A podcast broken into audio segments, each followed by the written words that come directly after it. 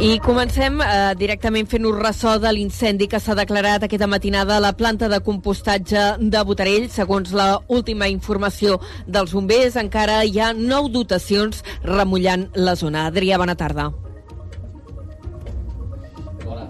Doncs efectivament el foc eh, que no ha provocat ferits ni ha afectat el funcionament de la planta ha cremat 28.000 metres de quadrats de fracció vegetal. El president de Secomsa, Toni Abelló, ha explicat que el foc s'ha originat pel propi escalfament de la matèria orgànica en descomposició. Evidentment hi ha fermentació. Llavors les el joc de temperatures que hi ha sempre és bastant important eh, si ara anéssim allà i toquéssim el que no està cremant, eh, en, en, condicions normals, ho agafaríem i ens cremaríem, eh, perquè realment sempre està en una temperatura molt elevada.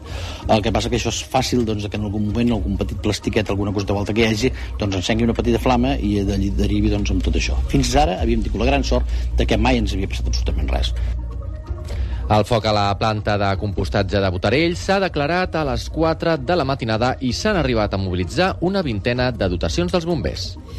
I també al Baix Camp, però més cap a la costa, els bombers han donat ja per extingit aquest migdia l'incendi que es va declarar ahir a la tarda a Vandellós i l'Hospitalet de l'Infant a tocar de la Nacional 340.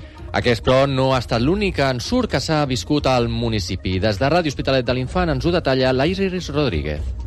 Pocs minuts abans de les 4 de la tarda d'aquest dijous 13 d'abril es va declarar un incendi de vegetació agrícola i forestal prop de la Nacional 340 dins del terme municipal de Vandellós i l'Hospitalet de l'Infant, concretament a la zona del barranc de Caladoques.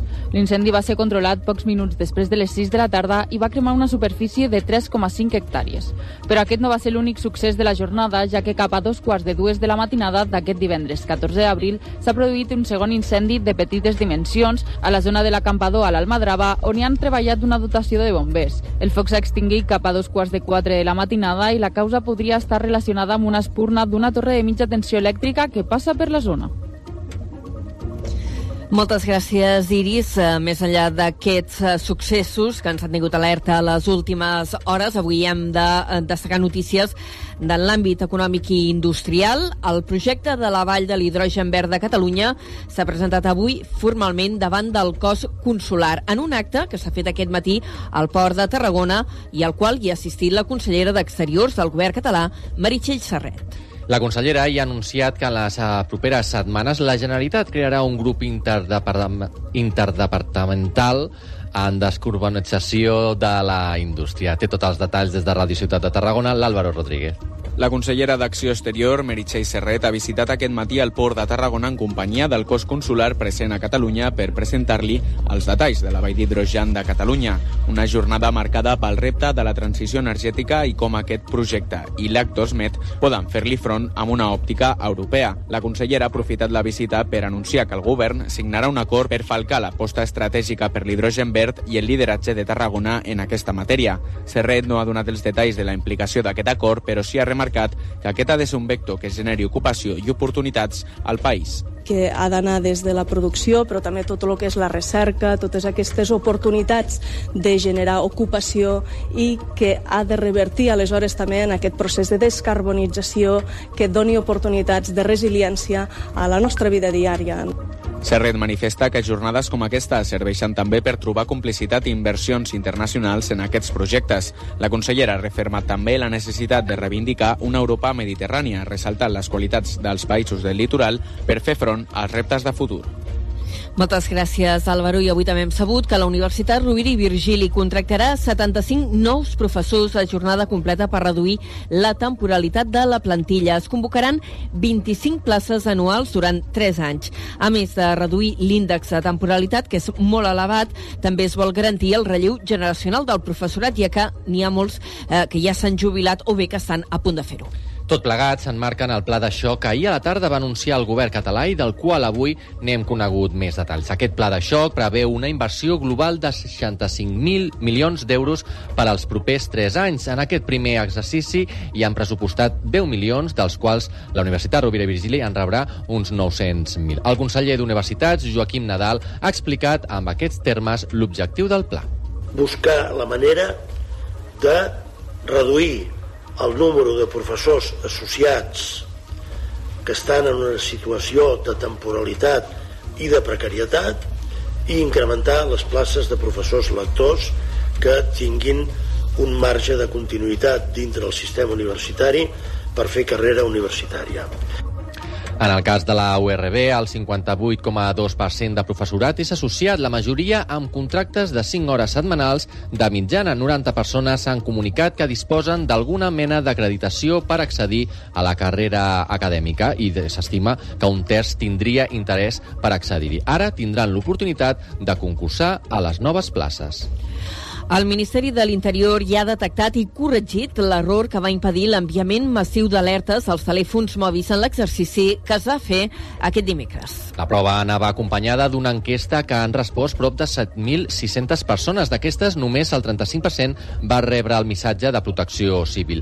El Ministeri de l'Interior ja ha emès un informe en què assenyala que ja ha detectat l'error i l'ha corregit per tal que no es torni a produir. Protecció Civil avalua ara en quin moment pot tornar a repetir repetir la prova i anuncia que serà en les properes setmanes. I avui també hem estat pendents de la segona jornada de vaga dels treballadors d'Iquoxe per reclamar la readmissió del president del comitè d'empresa. L'aturada, com la primera, l'ha convocat comissions obreres. Segons el sindicat, des de les 6 del matí només han accedit 8 treballadors a les instal·lacions de la fàbrica. En canvi, l'empresa ha emès un comunicat xifrant el seguiment de l'aturada a només 11 treballadors. A més, la companyia ha denunciat coacció per part dels sindicalistes pel piquet informatiu que s'ha muntat a les portes del recinte. Comissions Obreres ha negat les acusacions i ha argumentat que senzillament cap treballador s'ha presentat al lloc de feina. D'altra banda, el president del comitè d'empresa, Fran Pizarro, ja ha denunciat formalment el seu acomiadament que considera fruit de la persecució sindical. I seguim amb notícies de l'àmbit social, ara situats a Torre d'Embarra, on aquest matí s'ha executat el desnonament d'un habitatge on vivien cinc persones, dues d'elles menors d'edat. Una trentena de persones s'han concentrat davant de l'edifici situat al carrer Major per intentar evitar aquest desnonament. La comitiva judicial, però, s'ha mostrat inflexible. Des d'on a la torre ens ho detalla en Josep Sánchez. Finalment, la família ha decidit deixar la casa davant l'amenaça d'ús de la força per desallotjar-los per part dels Mossos d'Esquadra. L'habitatge pertany a un fons voltor Global Pantelària. Des del sindicat d'habitatge remarquen que la família afectada ha fet els tràmits per demanar un lloguer social i que la propietat tenia l'obligació legal d'oferir-lo. Des de, l'habitatge de la Generalitat s'ha denunciat a, a, aquest fet, i, pues, però bueno, ja ens hem trobat amb altres casos com aquest, que s'obre un expedient sancionador al, als fons voltors, però no es porta, no es du a terme el que diu la llei, que és oferir els lloguers socials a les famílies vulnerables. Una vegada executat el desnonament, la família afectada i els manifestants que els hi han donat suport s'han desplaçat fins a l'Ajuntament de Torredembarra per demanar una solució. De moment, la família residirà en un hostal durant dues setmanes amb els fons d'emergència dels quals disposa el consistori. Gràcies, Josep, per aquesta crònica. Justament avui, parlant d'habitatge, el govern espanyol, Esquerra Republicana i Bildu han arribat a un acord per desbloquejar la tramitació de la llei de l'habitatge. S'ha acordat, per exemple, limitar un màxim del 3% la pujada anual del preu del lloguer, això l'any vinent, i després s'establirà un índex que sigui sempre per sota de l'IPC. El text pactat també amplia l'abast dels topalls dels contractes de lloguer en zones atencionades i redueix de 10 a 5 el nombre d'immobles per ser considerat gran tenidor. Els topalls de preus també s'aplicaran en nous contractes de lloguer, no només en renovacions. Una zona es podrà declarar tensionada si compleix una de les dues condicions que estableix la llei. Pel que fa als desnonaments, s'ha acordat que es posi punt i final als desnonaments sense data i hora determinada. També s'inclouen noves pròrrogues als procediments que podrien ajornar més de dos anys aquests desnonaments. Després de l'acord anunciat avui, la Moncloa vol accelerar el tràmit parlamentari i aprovar la llei d'habitatge al Congrés abans del 28M. I eh, parlant de preus, eh, ara no de, de lloguer, sinó els preus en general, l'IPC interanual ha caigut més de 3 punts al Camp de Tarragona i les Terres de l'Ebre durant el mes de març. L'indicador ha passat del 5,5% del febrer al 2,1% d'aquest últim mes. De nou, l'augment de preus més rellevant es manté en el sector dels aliments i de les begudes no alcohòliques amb un 16,6% respecte al març del 2022 i un 0,8% més que el febrer febrer. D'altra banda, l'habitatge, els carburants, l'aigua i els subministraments de gas i llum s'han abaratit en un 18,5% interanual i també un 2,5% respecte del mes de febrer.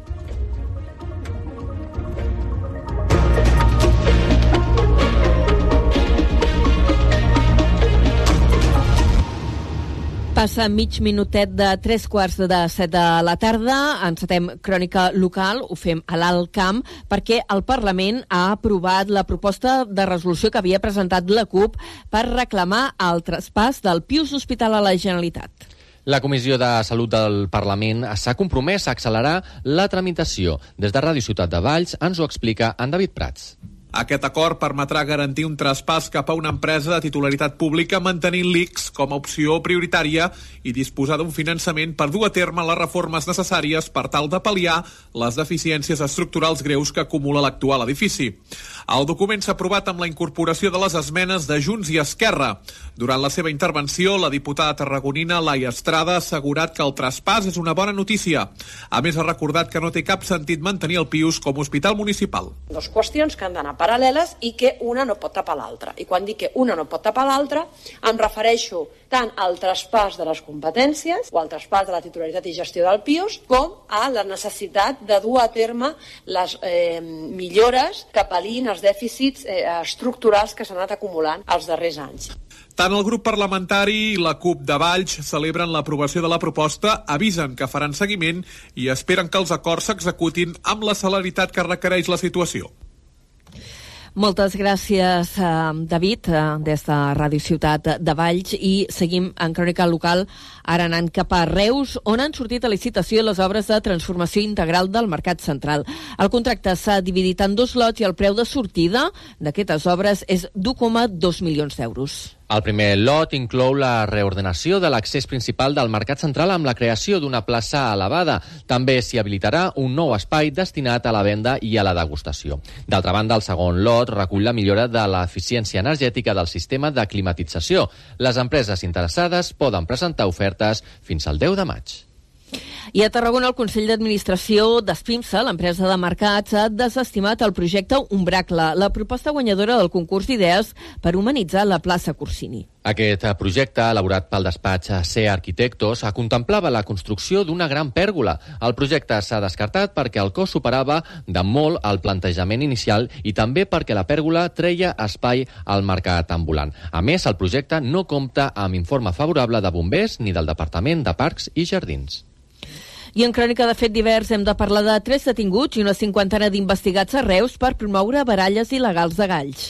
Els Mossos decomissen armes blanques, substàncies per alterar els animals i diners en efectiu. Els arrestats són tres homes de 27, 45 i 59 anys respectivament, acusats de nou delictes de maltractament d'animal domèstic. D'altra banda, la Policia Nacional ha detingut a Tarragona un lladre especialitzat en robar vehicles de concessionaris a Andalusia.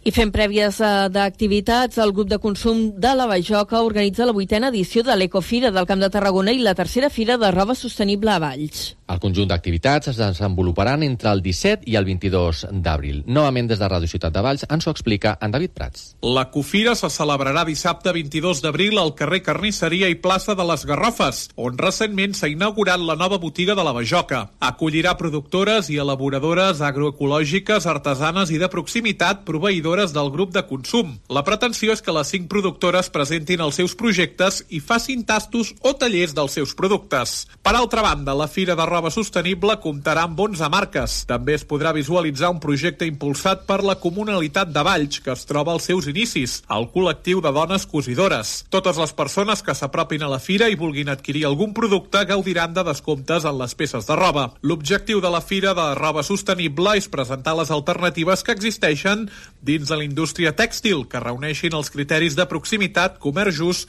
ecologia i sostenibilitat, drets laborals, economia solidària i consum responsable. La programació que es desenvoluparà entre el 17 i el 22 d'abril també ha previst tallers, exposicions i tastos. Això serà la setmana vinent, però aquest cap de setmana ja Reus celebra la primera edició de la festa modernista que traslladarà els participants a la ciutat del 1900. S'han programat accions de recreació històrica, rutes pel patrimoni modernisme, a més de tallers, espectacles i propostes gastronòmiques. De fet, abans de començar, l'organització ja ha avançat que la proposta s'ha rebut amb els braços oberts i que, de fet, ja s'han esgotat les entrades per a moltes d'aquestes activitats. La Festa Reus 1900 es fa coincidint amb el centenari de la mort de Lluís Domènech i Montaner. La Casa Navàs i la plaça del Mercadal seran dos dels epicentres del certamen, si bé també hi ha propostes a Pere Mata, la Casa Gasull, habitualment tancada al públic, al Gaudí Centre o al Casal de les Dones.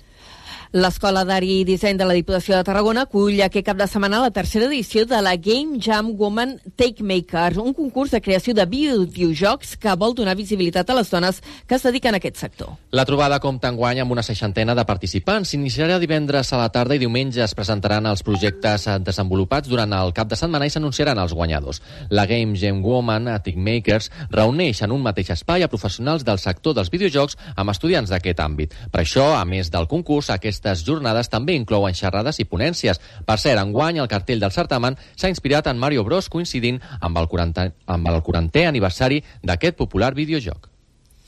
I l'Ajuntament de Tarragona ja ha posat a la venda les entrades per visitar la volta del Pallol. Valen 5 euros i de moment s'han obert les sessions fins al 28 de maig. La volta serà visitable els divendres a la tarda, els dissabtes matí i tarda i també els diumenges al matí. Les sessions estan disponibles en català, castellà, anglès i en francès. Els infants de 0 a 12 anys tenen l'entrada gratuïta. L'aforament màxim per passi és de 30 persones. I amb aquesta sintonia passem a la informació esportiva. El Nàstic afronta aquest cap de setmana un partit crucial davant del filial de l'Ossassuna. Guanyen els granes, eh, s'allunyarien d'una manera molt significativa de la zona de descens. El partit es disputarà diumenge al vespre al nou estadi. La prèvia ens arriba des de Ràdio Ciutat de Tarragona amb l'Adrià Tella. La victòria a Sabadell el passat dissabte va ser un pas de gegant del Nàstic cap a una permanència que podria pràcticament segellar aquest cap de setmana al nou estadi davant el filial d'Ossassuna. Un triomf significaria deixar el descens a una distància molt important i sumar 45 punts que podrien ser ja suficients per salvar la categoria quan falten 6 jornades per disputar-se. La realitat és que els graners es troben avui en terra de ningú amb el playoff com una absoluta utopia i molt a prop de tancar l'objectiu d'evitar la part baixa que se li va encomanar a Dani Vidal des que va agafar la banqueta. Malgrat això, el tècnic dels tarragonins assegura que si guanya guanyen aquest diumenge, l'equip encara té opcions a tot. Si ganamos esta semana, hay opción para todo. Es que es esta semana. Esta semana, es esta semana, nos dará ilusión para ir a la siguiente. Si vuelves a sacar, ilusión para ir a la siguiente. Pero es que no podemos dejar de mirar esta. Tenemos que, que centrarnos eso, en el rendimiento. Los chicos en eso se sienten muy cómodos centrándose semana a semana, lo han demostrado y no nos saldremos de este guion. El Nàstic espera liquidar la feina definitivament com més aviat millor i sobretot evitar donar peu a cap problema que el pugui portar patint al tram final de competició. Els tres punts aquest diumenge deixarien el terreny molt pla, però davant hi haurà un rival que arriba d'enfonsar l'Intercity per 5 gols a 1. L'Ossassuna Promeses té encara alguna opció d'arribar a les places de promoció, però passen per sumar el nou estadi. Els de Santi Castillejo van passar per sobre del Nàstic a Tajonar i voldran repetir a domicili. El duel es disputarà aquest diumenge a un quart de vuit de la tarda al nou estadi, en directe per Ràdio Ciutat de Tarragona. I en hoquei el Reus Deportiu va aconseguir imposar-se ahir a la nit al Saint-Omer en una pista molt complicada a França, però l'empat entre el Barcelos i l'Sporting els ha deixat fora de la final a 8 de la Lliga Europea.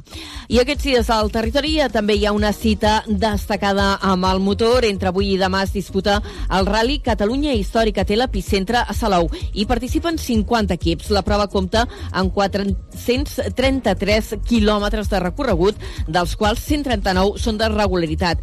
És puntuable per als campionats de Catalunya. El rally, que és puntuable per als campionats de Catalunya, ha començat, com dèiem, aquesta tarda a dos quarts de sis des del passeig marítim de Salou, on està previst que cap a quarts de 10 de la nit acabi la primera etapa. Demà dissabte la cursa es disputarà entre les 9 i mitja i les 6 hores amb una neutralització a la 1.25 a Santa Coloma de Caral. A més, demà al matí es farà la segona trobada RAC de cotxes clàssics que reunirà un centenar de vehicles a Salou. I apuntem també breument que aquest diumenge es disputarà la novena cursa cicloturista de la Mussara Reus. Enguany s'estrenarà un recorregut amb més desnivell per als participants més exigents. Un desnivell de 3.000 metres.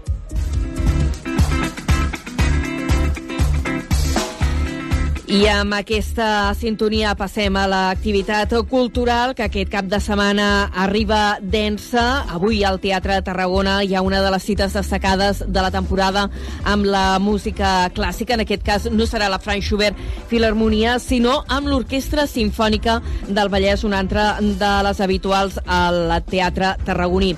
Avui, a un quart de deu de la nit, eh, l'Orquestra Simfònica del Vallès interpretarà una de les peces mítiques de Cal Orff, el Carmina Burana, i ho farà acompanyat de tres cors, entre ells el cor ciutat de Tarragona. D'altra banda, aquest diumenge també al Teatre Tarragona hi haurà circ amb la companyia Borlava, eh, una companyia de moviment que presenta un espectacle visual i acrobàtic. Serà diumenge a partir de les 6 de la tarda. I al Teatre Fortuny, a Reus, avui a dos quarts de nou, hi arriba Terra Baixa, l'adaptació del clàssic de Guimarà, que signa Pablo Ley a la direcció, que és una producció del Teatre Nacional de Catalunya, que com a subtítol porta reconstrucció d'un crim. I demà hi haurà una doble funció de les aventures de Matito, un espectacle de titelles pensant per al públic familiar. I encara una altra proposta teatral que ens arriba en aquest cas al Teatre Bartrina, també proposta destacada. Demà a les 8 del vespre s'hi representarà Hamlet 0.1, un monòleg a partir del clàssic de Shakespeare que ha dirigit Sergi Balbel, que interpreta Enric Cambrai i que va guanyar el premi al millor espectacle de petit format als Premis Butaca.